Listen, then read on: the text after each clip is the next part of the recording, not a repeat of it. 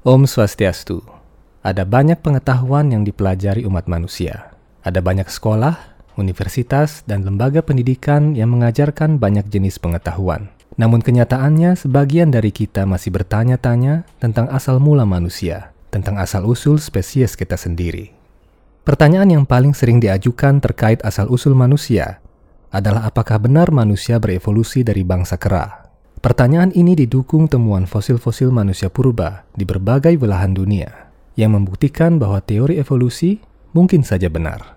Pertanyaan selanjutnya adalah, jika leluhur manusia tidak berasal dari kera, siapakah manusia purba yang tulang-tulangnya kini menjadi fosil? Dari mana mereka berasal? Dan ada di mana mereka kini? Dalam episode ini, Hindu Times menjawab tuntas pertanyaan fundamental tersebut menurut ajaran Kitab Suci Weda. Konten video ini dibuat dalam waktu yang lama dan riset yang serius.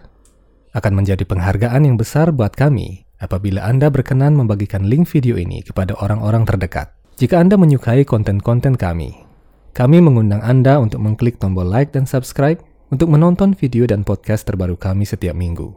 Pastikan topik-topik pilihan yang segar dari Hindu Times Channel selalu ada di layar ponsel Anda. Konten video ini dibuat berdasarkan referensi dari berbagai bagian kitab suci Weda. Sumber utama konten ini adalah kitab suci Weda Walmiki Ramayana, bagian Kiskinda Kanda, bab 40 hingga 47. Sumber lainnya adalah Weda Bhagavata Purana, Weda Padma Purana, serta Weda Mahabharata bagian Wana Parwa. Ada juga sumber referensi dari Weda Bhagavata Purana, Skanda 10, bab 56 dan 67.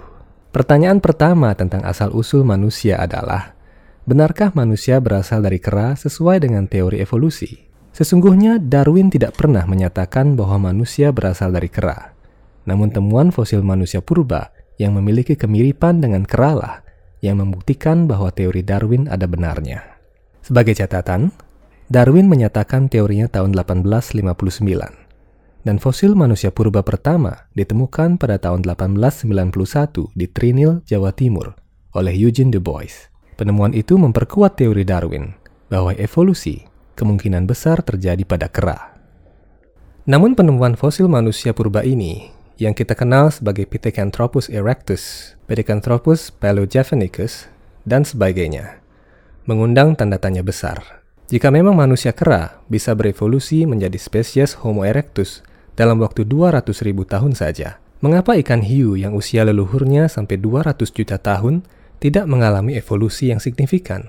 Padahal, situasi lautan di bumi mengalami lebih banyak perubahan selama kurun waktu 200 juta tahun. Pertanyaan selanjutnya adalah pertanyaan yang sangat mendasar. Apabila leluhur manusia adalah bangsa kera purba, maka secara logika, peradaban manusia ribuan tahun lalu adalah peradaban yang sangat primitif. Jika peradaban manusia ribuan tahun lalu memang primitif, mengapa manusia zaman dulu bisa mengenal kebijaksanaan Weda yang mengagumkan? Mengapa Weda Bhagavata Purana yang diturunkan ribuan tahun yang lalu membahas tentang satuan waktu atom? Mengapa Weda Mahabharata membahas tentang senjata nuklir? Dan mengapa mutiara pengetahuan ketuhanan dalam Weda Bhagavad Gita masih sulit dipahami manusia di zaman yang katanya modern ini? Semua itu membuktikan bahwa manusia ribuan tahun lalu bukanlah spesies yang primitif. Dengan kata lain, manusia kala itu bisa jadi memiliki kecerdasan dan kebijaksanaan yang jauh lebih tinggi daripada manusia modern. Bukti-bukti ini menguatkan pernyataan dari kitab suci Weda bahwa manusia tidak berasal dari evolusi kera. Ada dugaan bahwa teori evolusi adalah suatu usaha untuk membuat umat manusia berpikir bahwa leluhurnya primitif. Tujuannya adalah agar umat manusia semakin mudah dipengaruhi oleh berbagai kepentingan yang tidak berpihak kepada kebenaran. Jika kita berpikir bahwa leluhur kita adalah manusia purba yang primitif, maka secara logika kita akan otomatis berpikir bahwa kitab suci Weda adalah primitif. Dengan berpikir seperti itu, kita sudah kehilangan pengetahuan suci yang sangat berharga. Gara-gara menganggap bahwa manusia zaman dahulu adalah manusia primitif, tak heran jika sebagian orang menganggap uraian dalam sejarah Weda hanyalah mitos dan dongeng. Padahal, semua yang disampaikan dalam Veda adalah fakta sejarah yang terjadi nun jauh di masa lampau.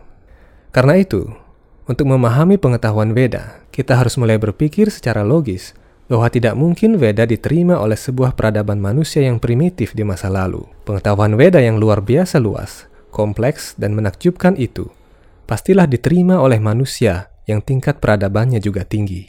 Pertanyaan selanjutnya adalah, jika manusia tidak berasal dari kera, lalu termasuk makhluk jenis apakah manusia purba yang fosilnya ditemukan di banyak lokasi itu? Apakah keberadaan mereka disebutkan dalam kitab suci Weda? Untuk menjawab pertanyaan penting ini, mari kita membuka Weda Walmiki Ramayana. Menurut lini masa sejarah Weda, peristiwa Ramayana terjadi pada zaman Pleistosen, sekitar 900 ribu hingga 1 juta tahun yang lalu. Bukti-buktinya tercantum dalam kitab itu sendiri. Pada bagian Sundara Kanda misalnya, ditemukan bahwa Rawana memiliki gajah-gajah bergading empat. Menurut ilmu paleontologi, hidup sekitar 2 juta tahun lampau hingga akhir zaman Pleistosen. Gajah jenis ini terdiri atas banyak spesies. Salah satu fosilnya ditemukan di Sulawesi pada tahun 1953 oleh Dirk Albert Huyer dari Belanda. Fosil lain ditemukan di Amerika, Meksiko, dan Asia Tenggara. Kitab suci Weda Ramayana juga menyebutkan bangsa Wanara atau manusia kera. Para Wanara muncul dalam sejarah Ramayana di bagian Kiskinda Kanda. Di seluruh bagian Kiskinda Kanda, dinyatakan dengan jelas bahwa manusia kera ada berdampingan dengan manusia. Kekuatan mereka sangat besar dibandingkan dengan manusia. Mereka tersebar di seluruh dunia. Walmiki Ramayana mencatat bahwa jumlah mereka mencapai 300 juta jiwa. Para wanara inilah yang membantu Sri Rama untuk menemukan Sita Dewi dan membunuh Rawana. Dalam video Hindu Times sebelumnya, kami telah membahas kronologi perjalanan para wanara berkeliling dunia mencari Sita Dewi dan melewati gugus kepulauan Nusantara. Anda dapat menonton video tersebut di kanal YouTube ini.